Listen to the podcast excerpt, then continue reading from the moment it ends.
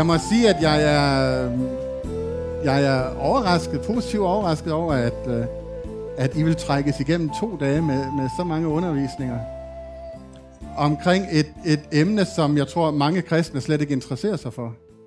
Nemlig Kristi lægemes opbygning og, og de fem tjenestegærninger.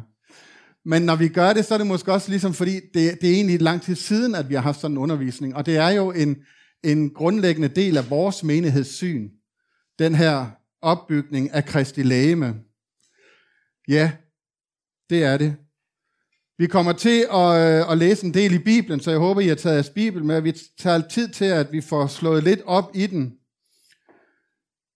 Hebræerbrevets forfatter, han siger sådan her, men den faste føde er for de fuldvoksne, som ved stadig brug har opøvet deres evner, så de kan skelne mellem godt og ondt. Så den faste føde, den er for de fuldvoksne. Så når du har meldt dig til det her, så må det være fordi, at du er fuldvoksen. Det tror jeg vi på. Jesus han siger, I grænsker i skrifterne, fordi I mener, at I har evigt liv i dem, og netop de vidner om mig.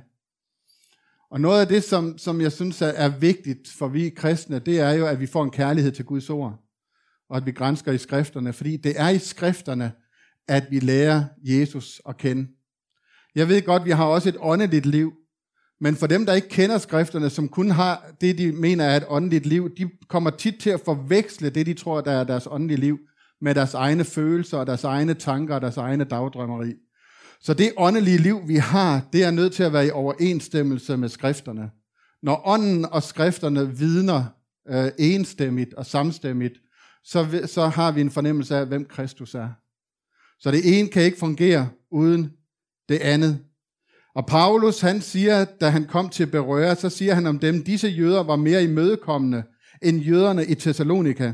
De modtog ordet med meget velvilje og grænskede dagligt skrifterne for at se, om det forholdt sig sådan. Så, så de gik til Guds ord, når Paulus kom med sit budskab, så gik de hjem bagefter, så, så læste de Guds ord.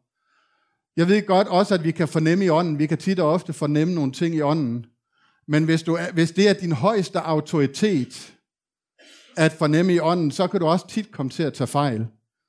For hvis du ikke har skriftgrundlag, hvis du ikke kender Bibelen, så kan dine fornemmelser i ånden også stadigvæk være bare dine egne følelser, dine egne tanker og dine egne dagdrømme. Men de, eller de jøderne i Berøre, da de blev stillet over for Paulus, så fornemmede de ikke bare i ånden, men de gik hjem og grænskede skrifterne, for at se, jamen fortæller Guds ord det samme, som Paulus fortæller. Og det er det, der er så vigtigt, at vi har begge dimensioner, at vi har et åndeligt liv med kundskab og visdom og indsigt, og at vi har et liv i skrifterne, at vi læser Guds ord og studerer Guds ord. Og når vi skal øh, have undervisning om de fem tjenestegærninger, om menigheden generelt, så er det også vigtigt ligesom at slå fast, at der er ikke noget, der er tilfældigt i Guds ord. Meget af det, vi ved om de fem tjenestegærninger, det har vi fra apostlenes gerninger. Og apostlenes gerninger kan man læse på to måder. Enten, at det bare er sådan historien om, hvordan øh, menigheden udviklede sig. Men vi kan også læse det som, at det, der står i apostlenes gerninger, det er det, Gud har villet, at vi skulle vide om den første menighed. Det vil sige, at der er ikke noget, der er tilfældigt i apostlenes gerninger. Vi ved jo godt, at der er ikke noget, der er tilfældigt i Paulus' brev, eller i Johannes' brev, eller i Peters brev, fordi at de er meget sådan øh, øh, fokuseret på det, de skriver. Men apostlenes gerninger, det der sker der, er heller ikke tilfældigt. Det er alt sammen forbilleder for, at det er, det er, sådan, det er en billedbog til resten af tekstmaterialet. En billedbog uden tilfældigheder, men hvor Gud helt nøjagtigt har efterladt det til os 2000 år efter, for at vi kan se, hvordan menigheden fungerede og blev bygget op i de første ting. Menighed, det græske ord for menighed, er jo ofte eklesia, som betyder en udkaldt forsamling.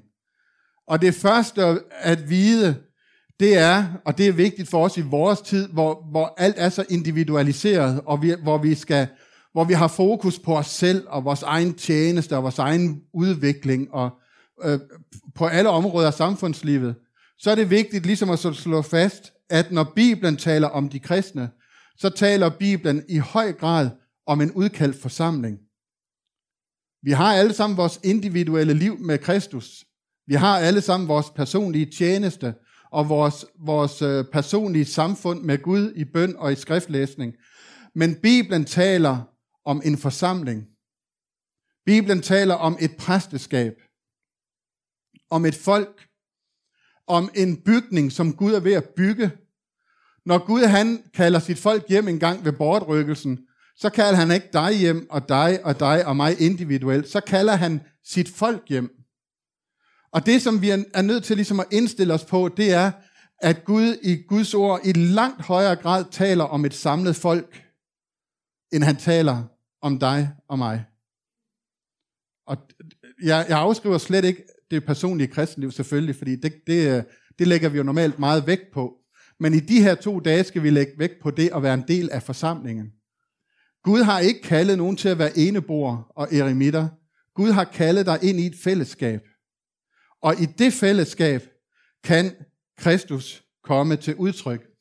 Watchman Nee, han har, han har et billede, han fortalte, at han gik oppe i, øh, i nogle bjerge, og der samlede han nogle småsten nede ved flodbredden. Og nogle af de sten, han samlede, de var helt sådan glatte, og andre, de var lige slået af klippen, og de var meget kantede. Og det brugte han som et billede. Han siger, de kantede sten, det er de kristne, som mest vandrer for sig selv, og som har sig selv i centrum. De bliver aldrig slæbet til. Men dem, som har ligget nede i, i floden i, gennem mange, mange år, de er blevet slæbet til af vandet, som er et billede på Guds ord, og de er blevet slæbet til af de, af de andre sten, som er et billede på de andre i menigheden. Og efterhånden, så er de slæbet til, og de er blevet glatte. Og så siger du, jamen hvad, hvad er bedst? At være lidt kantet, eller være glad, Fordi det her med at være en glat sten, det betyder jo ikke sådan, at, at så skal man tilpasse sig og indordne sig. Og det er ikke det, betyder. Det betyder bare, at vi sammen med de andre sten passer ind øh, i Guds riges øh, opbygning, ind i øh, det hellige tempels opbygning. Så man bliver slæbet til sammen med de andre. Og det er det, Watchmans, uh, Watchman øh, Nee, han siger. Og så siger han, og det var sådan lidt specielt, da, da David skulle ud imod Goliat, hvad var det, han gjorde? Han gik ned, og så fandt han fem glatte sten. Fem sten, som var slæbet til. Ikke kantede sten, som ikke var slæbet til. Men hvis han skulle have en sejr over Goliat, så skulle han have fem glatte sten. Og så sejrede han over Goliat. Og det var faktisk de fem sten, som skabte kongeriget Israel med David som konge. Det var de fem sten. Og jeg har det lidt på samme måde med de fem tjenestegærninger, at det var dem Gud sat ind for at skabe det nye kongerige, nemlig menigheden. På samme måde, fem glatte sten, fem der er slæbet til sammen med andre tjenere, sammen med hele Guds folk, for at blive sendt ud øh, i arbejdet for Guds hus. Hvis I ser på den tegning med hånden, så er det, det her har jeg jo hørt om helt fra jeg var helt, helt lille. Guds hånd i menigheden. De fem tjenestegærninger, hvor man bruger hånden som billede. Og læg mærke til, at det er en åben hånd. Det er ikke, det er ikke en knytnæve. Men den er klar til sådan en high five, for de af jer, der ved, hvad det er. Eller den er klar til sådan lige at, at vinke til jer alle sammen. Men det er en åben hånd, hvor apostlen er tommelfingeren, profeten er pegefingeren, evangelisten er langemanden, hyrden er ringfingeren, og læreren er lillefingeren. Så når vi taler om Guds hånd i menigheden, så taler vi i den her forbindelse om de fem tjenester, som Gud arbejder igennem efter hans vilje. Og det der spørgsmål, det er, om de her fem tjenester stadigvæk gælder i dag, eller om de kun var indsat af Gud i de første 100 år, for ligesom at få det hele øh, lagt til rette, og få menigheden startet, og få Bibelen samlet, eller er de fem tjenester også for i dag? Og det er der mange holdninger til. Mange kompetente mennesker, som mener det ene eller det andet. Men det vi mener, det vi kan læse ud fra Guds ord, det er, at de fem tjenestegærninger, de er til for hele menighedens tidsperiode. De fem tjenestegærninger i menigheden er sammen med ældstebrødre, diakoner og hjælpetjenester, og hvad der ellers er, de er til for at øh, opbygge Guds menighed i hele nådens tidsalder, indtil Kristus kommer igen. Men der er mange kristne, som mener, at det ikke er rigtigt. som mener, at vi skal have et elitært præsteskab med en præst øh, i toppen, og så måske et, et menighedsråd, eller andre måder at bygge øh, kirke på.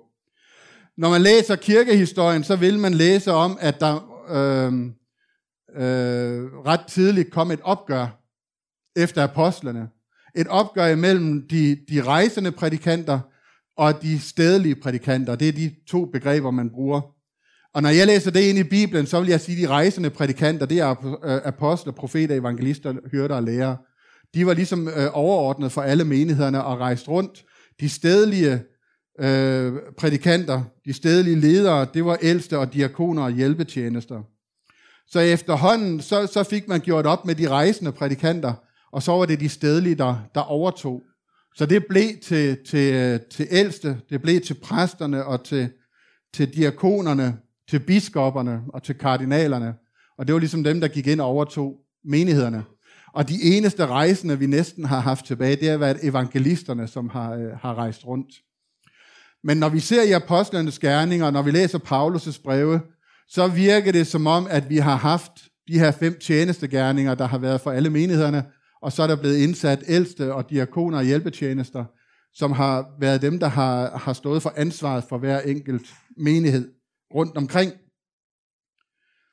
Og det, der er svært ved den organisation, det, der er svært ved den organisme med de her fem, det er, at den ender tit og ofte i et af to ekstremer. Enten så bliver den utrolig rigid og død og svær at arbejde med. Fordi at de her fem, det bliver til embeder, hvor man så kommer ind, og så sidder man meget, meget tungt på skamlen, indtil man engang skal bæres ud. Og man kan ikke lave forandringer, og der bliver ikke plads til Guds ånds inspiration, fordi det bliver en meget, meget tung organisation. Og rundt omkring i verden, der ser vi, at nogle af dem, der har arbejdet med de her fem, de har gjort op med, med de her meget, meget tunge, hvor man ikke kan komme, der, der sidder sådan en byråkrat eller øh, sådan nærmest en tjeneste mand på en stol et sted, og kalder sig apostel, eller lærer, eller profet. Og man kan ikke rokke ved noget som helst, og der er alt liv øh, render ud i menigheden. Så det er det ene ekstrem, og det andet ekstrem, som vi også ser, det tit ender i, det er det der, vi kan kalde profetbevægelserne. Altså, hvor det hele bliver så ekstremt og så fanatisk. Øhm, øh, og, og, og hvor Guds ånd forsvinder, fordi at, at det er så ekstremt og så fanatisk. Og der er spørgsmålet, hvordan, hvordan kan det her lykkes, så at det bliver en levende Guds menighed, uden at ende ud i en af de der to øh, ekstremer. En anden ting at være opmærksom på, det er, at de fem tjenestegærninger, det er ikke titler, men det er funktioner. Du kan kalde dig det ene eller det andet. Jeg kan kalde mig evangelist, eller jeg kan kalde mig øh, profet eller noget andet. Men det er ikke en titel, så jeg bliver det ikke af, at jeg kalder mig selv det, eller af, at andre kalder mig det. Det her er en funktion. Det betyder også, at vi kan se en forkynder et sted, øh, som kalder sig enten bare forkynder eller præst, og så kan vi sige, at ham der, han er profet. Fordi ud fra måden, han tjener på, ud fra hans funktion, kan vi se, her er en profet, her er en apostel, her er en evangelist, her er en hyrde, og så videre. Så det er dit arbejde og din tjeneste, der definerer dig. Det er ikke din titel, det er ikke det skilt, du har på dit bryst. Så uanset, det, der, jeg tror også, der går mange rundt, som ikke bliver kaldt noget, og som ikke kalder sig noget, men som i virkeligheden for eksempel er evangelister øh, i deres tjeneste. Så er der lige en ting, det er selvfølgelig, at når man er tjener på den her måde, så bliver man kaldt ud øh, i den tjeneste, man har. Men det er en anden ting, den gemmer vi lidt. Men det gør det lidt nemmere, hvis vi kunne få lov til at give titel. Forstået på den måde, at i dag kalder vi alle for præster. Og, og det kan så være hvad som helst. Så kan vi have lidt forskellige personligheder, lidt forskellige øh, tjeneste. Men hvis man før, lang tid før, kunne sige, jamen, jamen, du er evangelist, er du selv enig i det? Så kalder vi dig evangelist, og så kan man begynde at danne dig og forme dig og udkalde dig i den specielle øh, retning, som din tjeneste går i. Og det, det vil, så, så vil vi få nogle meget mere kompetente tjenere, end når vi bare kalder alle sammen det samme, og så skal vi så finde ud af, hvor, hvor det går hen af. Så spørgsmålet i dag, det er, om vi alle øh, alle Guds tjenere, om vi bare præster, eller om vi er noget forskelligt. Da jeg var helt ung, der kom jeg i en periode øh, en gang imellem i en meget stor menighed, en stor kirke, og jeg underviste nogle af de unge der. Og jeg kan huske der i min ungdom, det var lige der, hvor man begyndte at kalde frikirkeforstandere for præster. Og jeg kan huske måden, de talte om det på, at det var næsten en helt åbenbaring for dem. de fik lys i øjnene, når, de sagde, at vi skal til at kalde vores forstander for præst. Og jeg havde det lidt svært med det dengang, men grunden til, at, at de var glade for det, og grunden til, at de begyndte på det, og i dag er det jo sådan, alle frikirke øh, hyrder, alle frikirke forstandere, de bliver kaldt for præster i dag. Men grunden til, at, at, at de var så optaget af det, det var fordi, at dem uden for kirkerne, dem uden for frikirkerne, de vidste jo ikke, hvad en hyrde var, eller en forstander. Det blev så meget nemmere, når nu vi begyndte at kalde det præster, fordi det vidste de, hvad var. Og så tænker jeg, i dag, der tager jeg tit og ofte mig selv i, at jeg er nødt til at kalde mig selv for præst. Og jeg er nødt til at, at sige præst om andre. Ikke fordi, at dem udenfor ellers ikke forstår det, men fordi, at ellers så forstår de kristne det ikke. Så af hensyn til de kristne, så er jeg tit og ofte nødt til at sige præst, og jeg har det, sådan, jeg har det svært med at sige det, men jeg gør det, for ellers så forstår vi ikke hinanden. Men vi ved jo alle sammen, at vi er alle præster. Nye Testamente taler jo om hele menigheden som Guds præsteskab. Så vi har alle sammen præstetjeneste. Og så har vi de fem tjenestegærninger, og vi har de ældste, og vi har diakonerne, som er Guds gaver til menigheden, for at hjælpe os at blive uddannet i vores præstetjeneste. Så hvis jeg kan få lov til de her to dage at tale sådan, som jeg mener Guds ord taler, så vil jeg ikke benævne tjenesterne som præster, men så hedder de apostle, profeter, evangelister, hyrder og lærere. Og de har alle sammen hver deres funktion.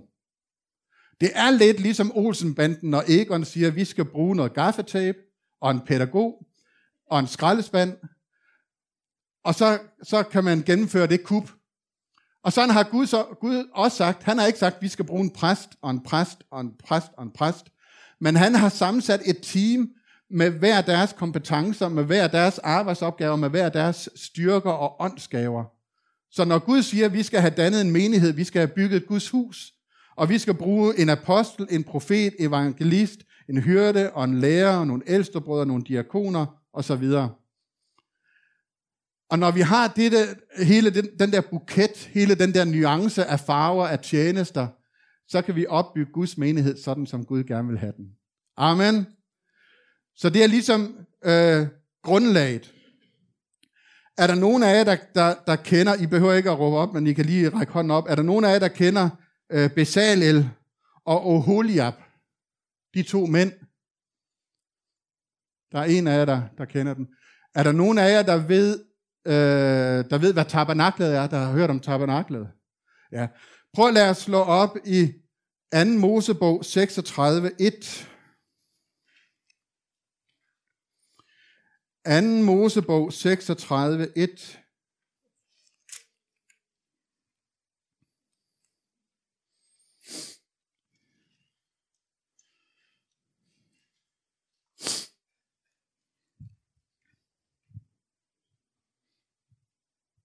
Er I med? 2. Mosebog 36, 1, der står der sådan her, Besalel og Oholiab og alle de kyndige mænd, som Herren har givet visdom og klogskab, så de har indsigt i at udføre alt arbejde på helligdommen, skal gøre ganske som Herren har befalet. Så de her to mænd, det var kyndige mænd, som Moses udtog efter Guds befaling til at bygge tabernaklet, til at bygge Guds hus. Og det var vigtigt for Moses, at dem han udtog, at det var kyndige mænd, fordi det var Guds hus, og det skulle bygges nøjagtigt efter den tegning, som Moses havde fået. Men nu her 3.500 år efter, så er der ingen af os, der kan huske navnet på de to mænd. For det har ikke den store betydning. Det vi kan huske, det er tabernaklet. Det er Guds hus. Og jeg vil også sige, når vi taler om tjenester, og når vi taler om, om tjenere for Gud, så er det vigtigt for os, at vi har nogle gode tjenere, at vi har nogle kyndige mennesker, der ved, hvordan man bygger Guds hus. Det er vigtigt. Men om 10.000 år, så er der ikke nogen, der kan huske navnet på dem, der var med til at bygge. Det eneste, de kan huske, og det eneste, de ser for sig, det er menigheden. Det er Guds åndelige tempel. Det er Guds hus. Og der må vi have fokus det rigtige sted. Vores fokus er menigheden. Vores fokus er i virkeligheden ikke tjenesterne. Nu, mens byggeriet står på, der er det vigtigt, at vi har nogle gode tjenere. Så derfor bruger vi øh, tid på tjenerne. Men fokus og evighedsbetydningen er ikke, hvem der nu var hvad på et tidspunkt. Det er, at produktet, at Guds hus står færdigt, og det er det, som, som bliver husket. Akkurat på samme måde som tabernaklet. Der er ingen af os, der ved, hvem der byggede tabernaklet. Vi kan ikke huske navnene på dem, der byggede det, men vi kender tabernaklet. Fordi det er ikke de her bygger, øh, byggefolk, der er vidnesbyrdet. Det er tabernaklet, der er vidnesbyrdet om Gud. Det, det bliver kaldt øh, øh, vidnesbyrdets telt. Og i dag må vi sige, hvad er det, der vidner om Gud? Det er menigheden, der vidner om Gud. Det er igennem menigheden, det er igennem kirken, at Gud vil gøre sin visdom i al sin mangfoldighed, øh, give den til kende for alle, både mennesker og magter og myndigheder. Så når det er så vigtigt for os, at vi har nogle gode bygmestre, så er det ikke for bygmestrenes skyld, men så er det fordi, at det de bygger, det skal stå i al evighed. Det er et evighedsprojekt, vi har gang i. Amen. Så, så når vi taler om de fem tjenester, så, så gør vi det i dag og i morgen, men det er egentlig jer, der er fokus. Det er menigheden, der er fokus, for det er menigheden, der er Guds evige bygværk.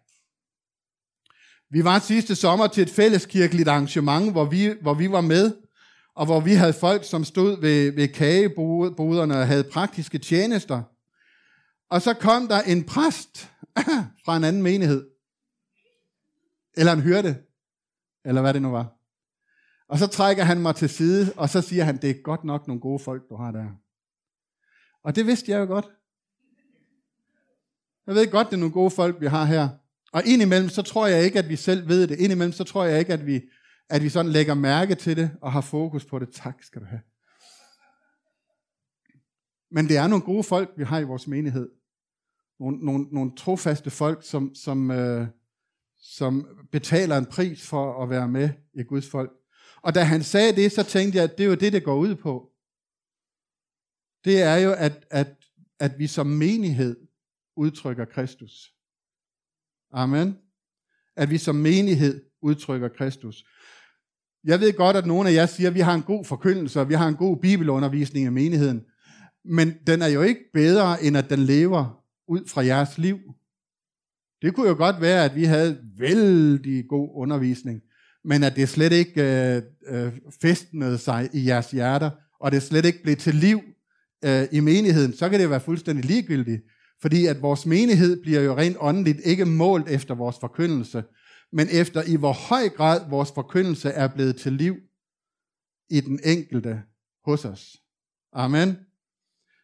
Paulus han siger sådan her til Thessalonikerne, I modtog Guds ord som Guds ord, og det virker i jer som tror. Og det er det, der er hele meningen med forkyndelsen og med bibelundervisningen. Det er, at det må virke i hver enkelt af os, så at vi må blive Guds vidner sammen med alt Guds folk. 1. Korinther 3:16 skal vi prøve at slå det op.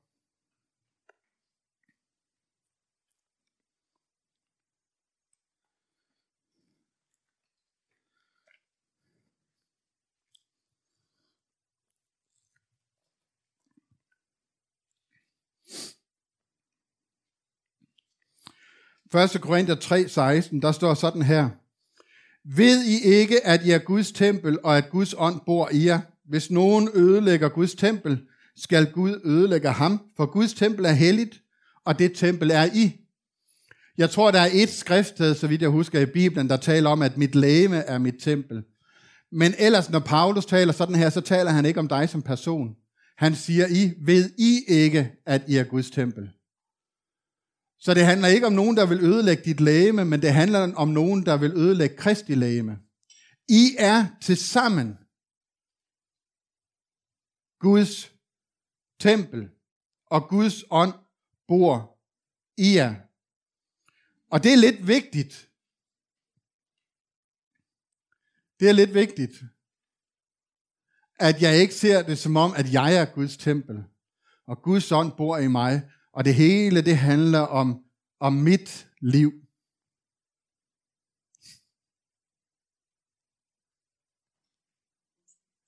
Det gør ikke noget. Det er helt fint. Nej, det er fint. Det er fint. Nej, det bliver du. Vi er i træningslejr.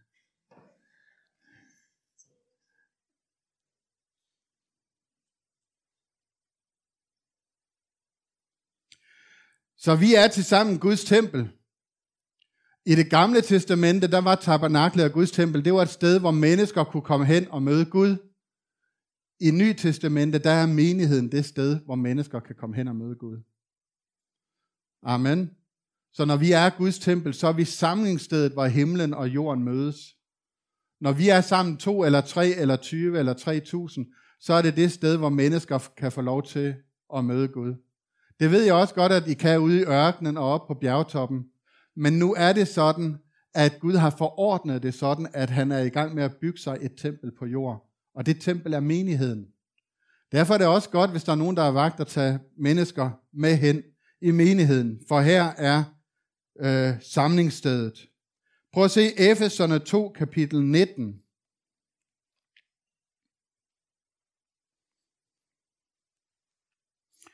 Efeserne 2, 19.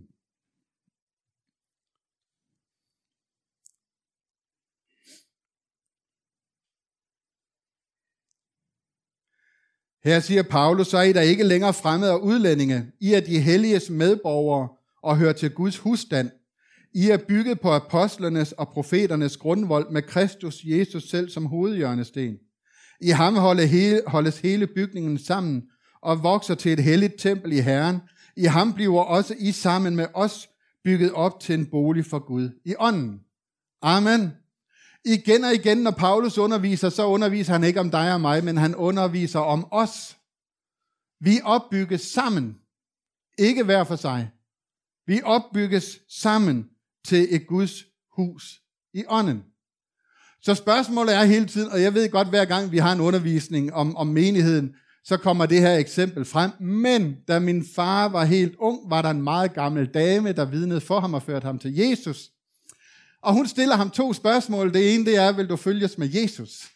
Og det andet det er et meget, meget relevant spørgsmål. Vil du så følges med Guds folk? Amen. Og det er et spørgsmål, jeg tænker, som, som måske ikke bliver stillet altid i vor tid, men det er akkurat lige så relevant som det første spørgsmål. Vil du så følges med Guds folk? For det er Guds folk, Gud arbejder på. Gud arbejder på sit samlede folk, på sit tempel, på sit Guds hus. Og spørgsmålet er, om du og jeg vil være med i det arbejde.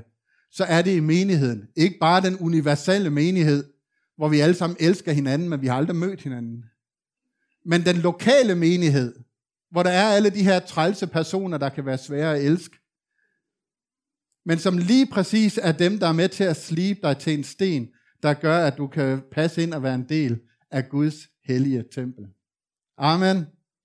Det er sandt, det her. Og vi er bygget på apostlenes og profeternes grundvold. Og hvis vi skal være bygget på dem, så skal vi også vide, hvad det er, de har skrevet i Bibelen. Så skal vi sammen studere Guds ord for at se, hvad er, hvad er vores grundvold? Hvad er det, vi skal bygge ud fra? Jesus han siger sådan her til Peter, og du er Peter, og på den klippe vil jeg bygge min kirke, og dødsrigs porte skal ikke få magt over den. Og i alle de århundreder, der er gået i hele kirkehistorien, der har man diskuteret, hvad den klippe er. Om det er Peter, om det er en klippe, eller om det er et klippestykke. Og jeg synes, man misser det væsentlige. Det væsentlige, det er nemlig, at Jesus siger, jeg vil bygge min kirke. Det er noget meget væsentligt. Han siger, jeg. Og det betyder, at det er Jesus, der bygger. Det betyder, at selvom vi lægger til os, uh, uanset hvad vi gør, så er det Kristus igennem os, der bygger menigheden. Han deler ikke ære med nogen, Jesus. Al ære til ham for menighedsbyggeriet. Jeg, siger han. Så når vi er med til at bygge, så er det Kristus igennem os, der bygger menigheden. Og så siger han vil. Det er heller ikke til diskussion. Det er ikke sådan, kan vide, om det nu lykkes. Nej, Jesus vil bygge sin kirke. Amen. Han vil bygge sin kirke. Uanset hvad vi må gå igennem, så for de af jer, der har læst den sidste side i Bibelen, så ved I, at det hele ender godt. Det gør det. Og Guds hus står færdigt. Så Jesus vil bygge sin kirke, og så siger han, min. Så det er ikke din kirke, og det er ikke min kirke, men det er Kristi kirke. Og det er ejerforholdet. Han har købt sin kirke med sit blod. Det er ikke til diskussion. Der er ikke nogen, der kan bygge sin egen kirke. Og så siger han, jeg vil bygge min kirke, og med kirke, der mener han udkaldt forsamling. Han mener ikke eneboere og eremitter og folk, der vil selv, og Facebook-kriger og hvad det nu ellers er ude omkring. Han siger fællesskabet. Den udkaldte forsamling, bygningen, og dødsriges porte skal ikke få magt over den. Prøv at se Efeserne kapitel 1.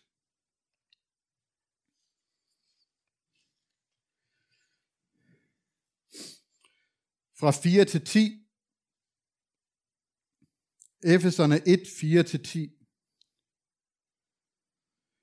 For før verdens grundvold, for før verden blev grundlagt, har Gud i Kristus udvalgt os til at stå hellige. Det er jo et helt fantastisk skriftsted. Selv før Adam og Eva de faldt i synd, der havde Gud allerede set Kristus. Og der havde han allerede set, at i hans udvælgelse, der kunne alle mennesker, der sagde ja til ham, komme ind og blive en del af Guds frelsesplan. For før verden blev grundlagt, har Gud i ham udvalgt os til at stå hellige og uden fejl for hans ansigt i kærlighed. I ham har vi forløsning ved hans blod, tilgivelse for vores sønder ved Guds rige nåde. Den gav han os i rigt mål med al visdom og indsigt ved at lade os kende sin viljes hemmelighed, ud fra den gode beslutning, han selv forud havde fattet, om den frelsesplan for, tiderne, for tidernes fylde, at sammenfatte alt i Kristus, både det himmelske og det jordiske. Så i, i det her skriftsted, der er Paulus helt ude før vores tidsregning. Langt, langt, helt ude før skabelsen af hele universet. Allerede der havde, havde Gud set os. Og så er han langt ude i den anden ende, at når alt kommer til alt, når alt her er ophørt, så står der én ting tilbage. Det er, at Gud har sammenfattet det himmelske og det jordiske i Kristus. At Gud har dannet sin menighed. Så den store frelsesplan er vi en del af. Prøv at se Efeserne kapitel 5.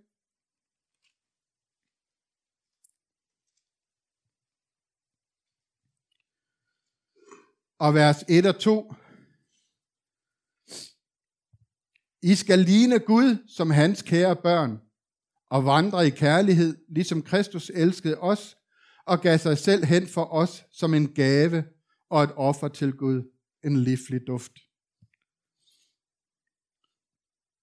Så når vi taler om, hvad er vores formål, så er et grundlæggende formål i hvert fald det, at vi som menighed skal ligne Gud. Og det ved jeg godt, det er der ikke nogen, der gør. Der er jo ikke nogen, der er fuldkommen overhovedet. Men vi er kristi udtryk på jord. Vores formål som menighed er at udtrykke Kristus i alt, hvad han var, som vi så ham. Så når vi taler om tjenere i menigheden, som vi gør de her to dage, så taler vi ikke så meget om, altså det, det der er hovedformålet er ikke dem, det der er hovedformålet, det er, at menigheden må blive et udtryk for Kristus på jorden. Det er stadigvæk menigheden, der er fokus. Prøv at se, hvad Paulus skriver i 2. Korinther 3,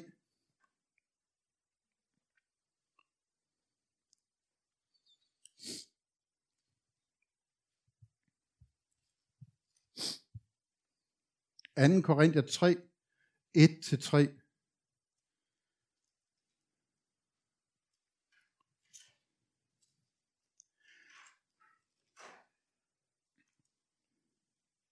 Der står sådan her. Begynder vi nu igen at anbefale os selv, eller har vi som visse andre brug for anbefalingsbreve til eller fra jer? Nej, I er selv det brev, som står skrevet i vores hjerter, og som kendes og læses af alle mennesker, så det er klart, at I er et Kristusbrev, der er blevet til ved vores tjeneste. Ikke skrevet med blæk, men med den levende Guds ånd. Ikke på tavler af sten, men i hjerter på tavler af kød og blod. Amen. Så her udtrykker Paulus det samme igen. Han siger, I er blevet til ved vores tjeneste. Men det, der er vigtigt, det er jer som Kristusbrev til denne verden. I er et brev skrevet til den her verden. Og det er tjenesten, som, som er med til at, at skrive jer. Så vi er jo ikke sådan en dogmatisk religion, der har det hele nede på skrift, men vi er en levende, et levende trosamfund, hvor hver enkelt er sammen med alle de andre hellige, er et brev, der er skrevet i vores hjerter til denne verden. Så vi har altså fokus på dig, og på dig, og på dig, og på mig. At vi sammen med alle de hellige må være et brev. Hver enkelt af os kan ikke udtrykke Kristus. Men når vi er sammen, så udtrykker vi Kristus. Prøv at se den anden tegning, den tegning med Jesus på, der står ved siden af hånden.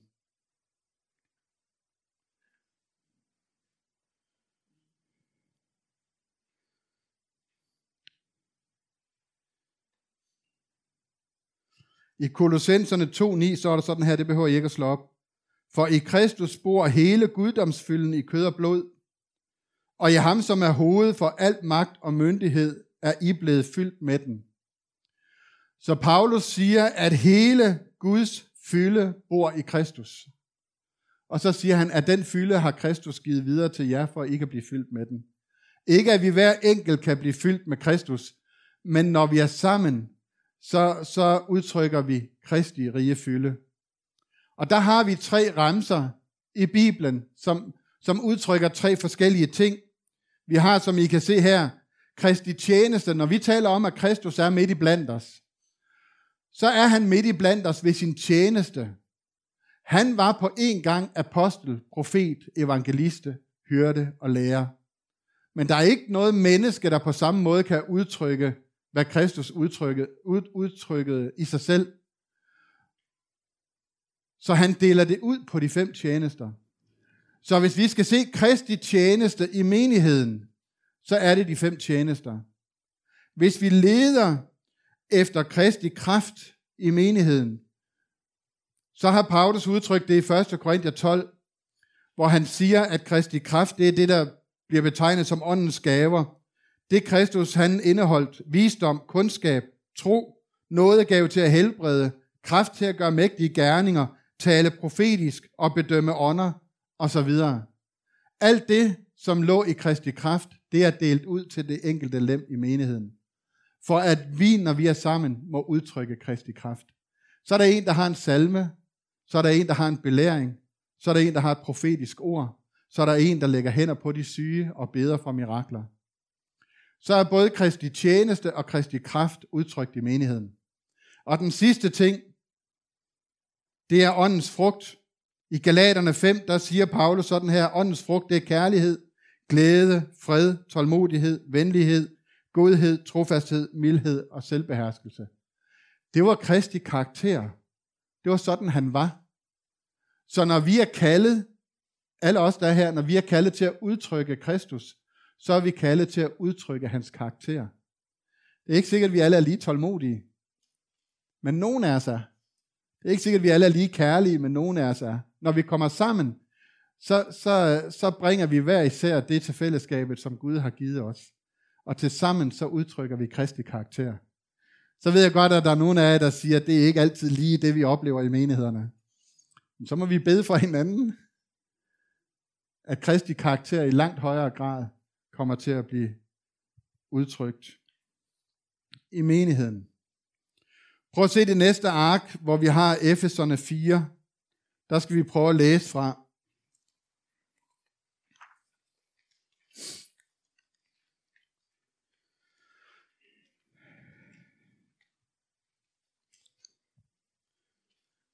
Og fra vers 7 til 10, der er der en speciel ting, jeg godt lige vil have fat i. Hver enkelt af os har I det. Hver enkelt af os har fået nåden givet som gave tilmålt af Kristus. Derfor hedder det, han er steget op til det høje, han har ført fanger med, han har givet gaver til menneskene. Men at han er steget op, hvad andet betyder det, end at han også er steget ned til den lave jord? Han, som er steget ned, er den samme, som også er steget op, højt over alle himle, for at fylde alt. Der findes jo kristne, som påstår, at de fem tjenestegærninger ikke er for menigheden i dag, og at de er ophørt for længe siden. Og blandt dem, der er det dem, der siger, at når vi taler om profeter og apostle, om profeters og apostles grundvold, så er det profeterne fra Gamle Testamente og apostlerne fra Ny Testamente. Det er sådan, det hænger sammen. Der er ikke profeter i øh, uh, Ny Testamentets menighed. Når, når de bliver nævnt, så er det for at repræsentere Gamle Testamente, imens apostlerne repræsenterer det Nye Testamente. Men prøv lige at se her, hvad det er, der står i vers 8. Derfor hedder det, han er steget op til det høje, han har ført fanger med, han har givet gaver til menneskene.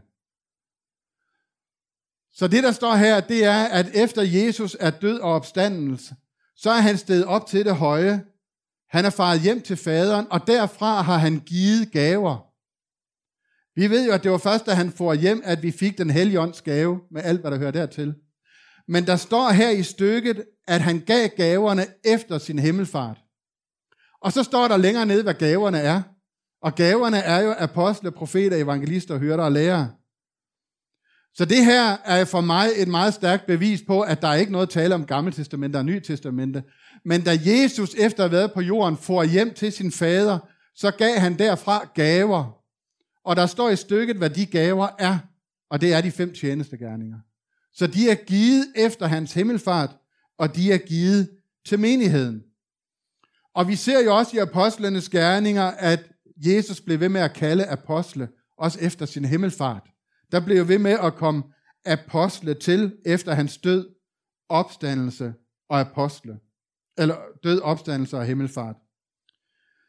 Han kaldte de 12 apostle, mens han levede, og så gav han gaver til menigheden efter sin himmelfart. Der gav han igen apostle og de andre tjeneste gerninger. Så apostle er, som jeg kan læse det ud fra Bibelen, noget, der hører sig til i hele menighedens periode. Også efter Kristi himmelfart. Prøv at se i 2. Peter 3, vers 1-2.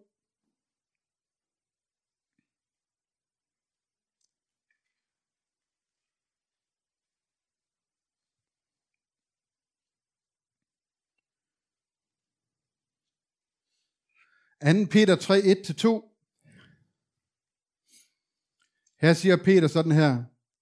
Mine kære, det er nu det andet brev, jeg skriver til jer, og i dem begge prøver jeg at vække jeres retfærdige sind ved at minde jer om, at I skal huske de ord, som tidligere er talt af de hellige profeter og vor Herre og Frelsers bud, som I har fået igennem jeres apostle. Og Peter er jo en del af de første 12 apostle, de jødiske apostle, som vandrede med Jesus. Men her der taler han til en anden menighed, og så siger han, husk på de ord, som er talt igennem jeres apostle. Så han anerkender, at der er en, øh, også et andet hånd apostle, end de 12, han selv tilhører, som var med fra starten. Prøv at se i 2. Timotius kapitel 1,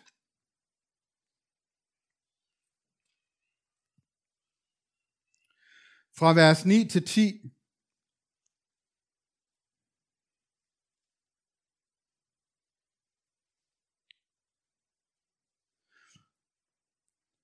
2. Timotheus 1, 9-10. Jeg vil lige citere et andet skriftsted først. I Markus 3, det skal ikke slå op. Der står der sådan her om, om Jesus. Jesus gik op på bjerget og kaldte dem til sig, som han selv ville. Og de kom hen til ham. Han valgte 12, som han kaldte apostle, for at de skulle være sammen med ham, og for at han kunne sende dem ud for at prædike og have magt til at uddrive dæmoner. Så mens Jesus gik på jorden, så kaldte han dem til sig, som han selv ville, og han kaldte de 12 apostle. Herefter Jesu himmelfart, så siger Paulus sådan her til Timotheus.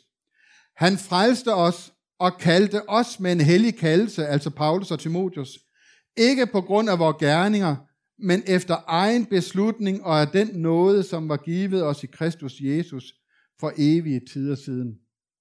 Så Paulus siger om ham og Timotheus, vi har samme kaldelse som de første 12. Jesus kaldte dem, han ville, mens han gik på jorden. Men han kaldte også Paulus og Timotheus blandt andet, sammen med flere, efter sin egen viljes beslutning. Så det vil sige, efter de 12, der fortsatte Gud med at kalde apostle. Hvis vi læser videre her på arket i vers 11, så står der, og han har givet os nogle til at være apostle, andre til at være profeter, andre til at være evangelister, og andre til at være hyrder og lærere. Det er de gaver, han har givet os efter sin himmelfart.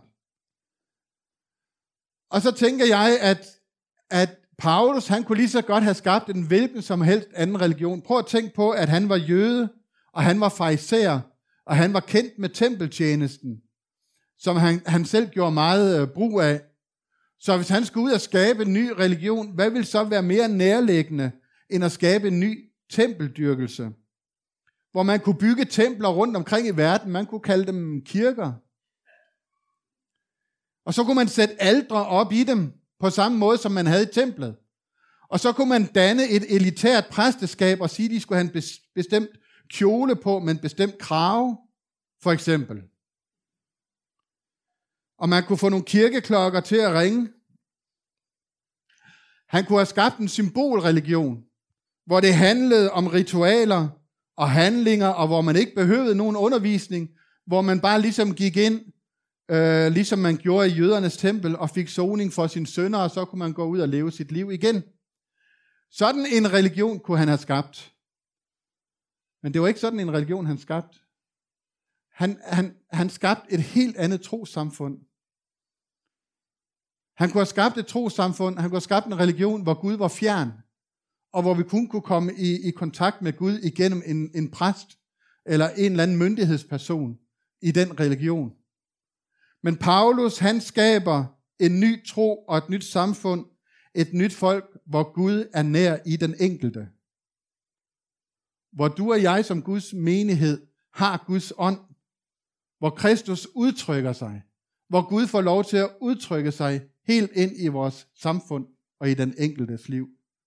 Hvor er vi heldige, at det var sådan et trosamfund, Paulus han skabte, og ikke noget andet, med en fjern Gud og symbolhandlinger og ritualer, men hvor vi kunne blive, øh, få lov til at blive en del af Guds levende tempel, af Guds hele frelsesplan. Der stod her, prøv at læse vers 12, for at udruste de hellige til at gøre tjeneste, så Kristi lame bygges op. Og endnu en gang, så har vi ikke fokus på den måde på tjenesterne, men vi har fokus på lægemet. For hvem er det, der bygger Kristi læme op? Troede du, det var tjenesterne? Nej, vi skal udruste de hellige til deres tjenestegærning at bygge Kristi læme op. Så lægger vi pludselig hele ansvaret over på jer. Det er jeres ansvar, at Kristi læme bliver bygget op. Det er ikke prædikantens eller præstens, eller hvad han nu bliver kaldt. Han er ligesom den, den, den åndelige formidler, der er med til at hjælpe til, at du bliver udrustet til at bygge Kristi læme op. For hele opbygningen af Kristi læme, den ligger hos menigheden. Amen. Den ligger hos menigheden. Så det, der ligger hos tjenesten, det er dygtiggørelsen. Det er uddannelsen. Det er formningen af den enkelte, så at vi sammen kan bygge Kristi læme.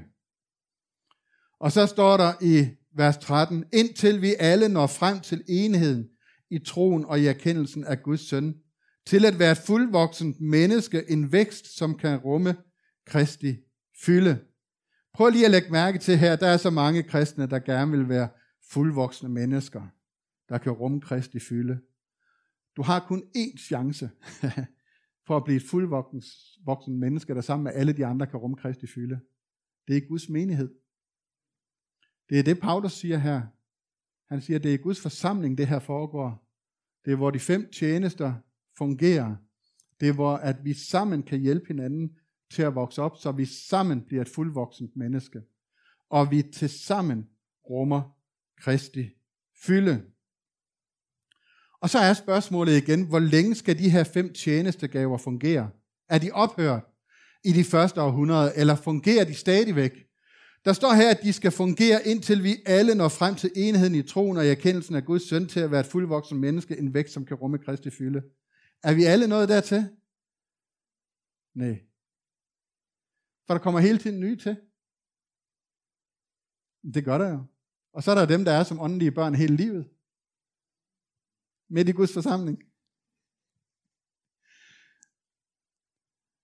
Så det her det er noget, vi arbejder på kontinuerligt, og det er noget, de fem tjenestegaver er med til, indtil det her opfyldes fuldt ud. Hver gang vi har en ny generation, hver gang vi har en ny, der tager imod Jesus, så har vi mennesker, som er i vækst.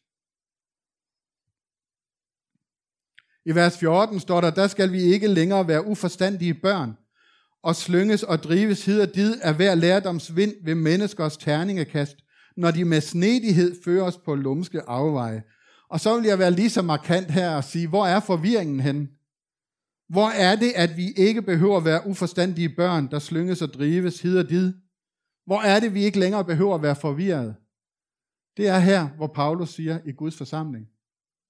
Hvor tjenesten er på plads, hvor ordets forkyndelse er på plads, hvor den enkelte i menigheden hjælper med det, som Gud har givet til at holde sammen på Kristi lægeme. Og jeg tænker sådan med de sociale medier i dag, og jeg tænker på al den forvirring, der er, og alle de kloge ord, der er rundt omkring. Og så tænker jeg, hvordan beskytter jeg mig selv imod al den forvirring? Det gør jeg i Guds forsamling. Amen. Det gør jeg der, hvor vi sammen kan vokse op til mandsmodenhed.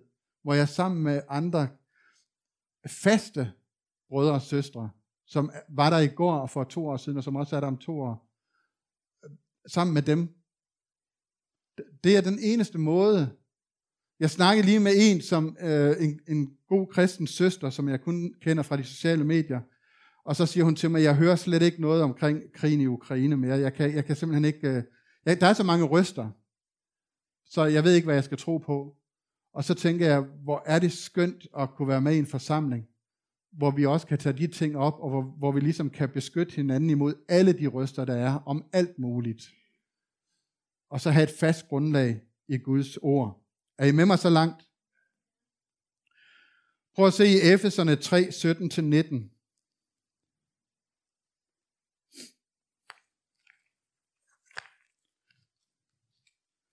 Efeserne 3, 17-19.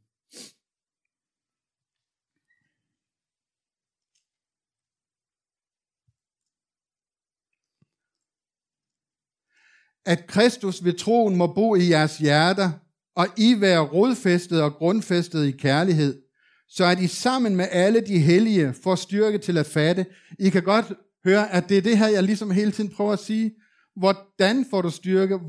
Hvordan kommer du nogensinde til at fatte, hvad det her drejer sig om? Det gør du kun et sted, det er sammen med alle de hellige. Du er nødt til at have fællesskab med mennesker, der er klogere end dig selv. Det er den eneste vej frem. Hvis du hele tiden omgiver dig med mennesker, der er dummere end dig selv, så er du den største fisk i den lille andedam. Så får du et problem på den lange bane. Vi er nødt til at være sammen med brødre og søstre. Hvordan kommer vi nogensinde til at fatte det her? Det gør vi sammen med alle de hellige. Vi gør det aldrig alene hvordan vi kommer til at fatte, hvor stor bredden og længden og højden og dybden er, og til at kende Kristi kærlighed, som overgår al erkendelse, så I fyldes til hele Guds fylde nås. Ikke dig alene, for det kan du ikke, men dig sammen med alle de hellige. Amen. Og hvor er jeg glad for, at der står rodfæstet og grundfæstet i kærlighed. Hvis du ikke har nogen at kaste din kærlighed på, så bliver du aldrig rodfæstet i kærlighed. Hvis du ikke er med i et fællesskab, hvor der er brug for kærlighed, så er det, så er det, noget, så er det spild af tid at tale om kærlighed. Kærlighed skal jo have nogen at, at vise sig overfor. Så hvis jeg siger, at jeg er et meget kærligt menneske, øh, forstået i kristen sammenhæng, men ikke kommer i nogen kristen sammenhæng, så er det lidt en modsigelse, for, for hvor skal den kærlighed, hvor, hvor, skal den, øh, hvor skal den rettes hen? Den skal da rettes hen på dem, der har brug for det i Guds forsamling, ikke også? Og selvfølgelig også for dem udenfor. Paulus siger sådan her til Filipperne, lad jeres mildhed blive kendt af alle mennesker. Eller lad alle, øh, lad alle kende, at du har et mildt sind. Hvis du, ikke, hvis du ikke er sammen med andre, så er det jo svært at, at vise dem, hvor mild du er. Det hører sammen i fællesskabet. I vers 15 står der, men sandheden, tro, i kærlighed skal vi i et og alt vokse op til ham, som er hovedet Kristus. Og jeg kan godt lide at se, hvordan de kristne de deler sig op i to grupper. Der er dem, der vokser i sandhed. Kærlighed, det siger dem ikke så meget. Men sandhed, det der er nogen, der skal sættes på plads. Det er også kærlighed, når man sådan ligesom får revset og får sagt nogle ting, som folk ikke kan lide, at det går ondt på dem. Det er også kærlighed. Og så er der de andre, der siger, jamen kan vi ikke bare elske hinanden? Hvad skal alt det der? Altså kan vi ikke bare... Hvad er nu det for noget? Og hvis man som tjener kan få det til at gå op i en højere enhed, så sandhed og kærlighed fungerer sammen, så er man lykkes i sin tjeneste, og menigheden er lykkes. Vers 16. Ud fra ham føjes hele lægemet sammen og holdes sammen, i det hver enkelt led hjælper til med den styrke, det har fået tilmålt, så lægemet vokser og opbygges i kærlighed. I kan godt høre, at det her vers har ikke noget med den universelle menighed at gøre. Det her vers har noget med den lokale menighed at gøre, hvor man er sammen med rigtige mennesker.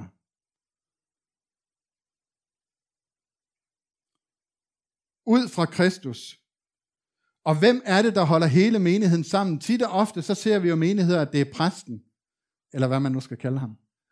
At det er præsten, som ligesom skal øh, øh, prøve at holde det hele sammen, og, og nu må folk jo ikke gå fra menigheden, og nu må de ikke træde hinanden over tæren, og sådan.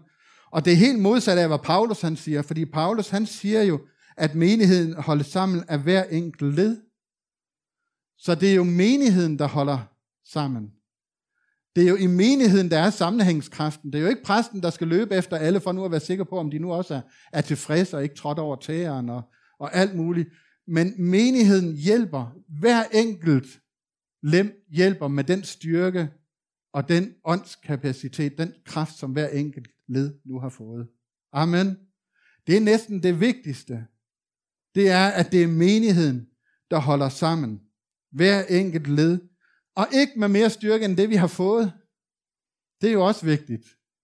At man ikke bliver stresset, at man, der ikke er forventninger over ens evner. Men med den styrke, jeg nu har fået, om det er lidt eller meget, så er jeg med til at holde sammen. Det er også her, at du kender brødre og søstre, som vil være som vil være med, øh, som vil være en del af en lokal forsamling. Det, det er jo også, vil de være med til at, at styrke sammenhængskraften, som det hedder i dag? Er, er de med til at samle, eller er de med til at sprede? Og de lemmer på læmet, som Paulus taler om, det er dem, som er med til at samle i den lokale menighed, og ikke til at sprede ud.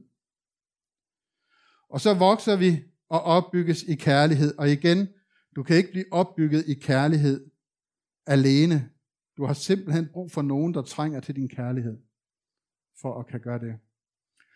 Vi skal til at, at runde af. Prøv lige at se det, 12, det, det næste ark.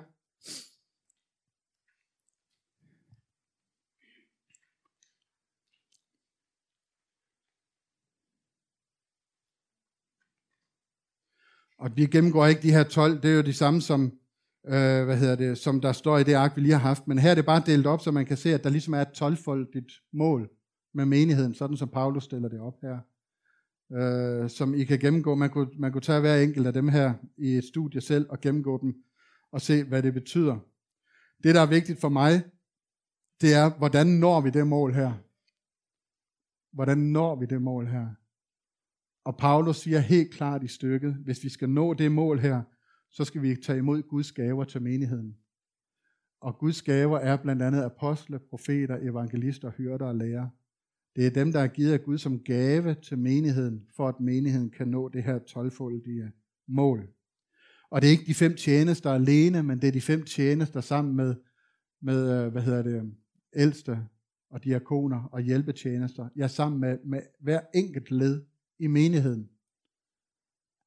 Det er, at vi arbejder sammen for at nå målet her. Så når vi taler om de fem tjenester, så taler vi om tjenester, som arbejder på menighedens enhed, på menighedens erkendelse af Kristus, på modenhed, myndighed, vækst i sandhed og kærlighed. Og Paulus har lagt grundvolden. Og når vi her 2000 år efter bygger videre på Paulus' grundvold, så må vi se til, hvordan vi bygger. At vi bygger efter den tegning, der er givet i himlen. Amen. thank you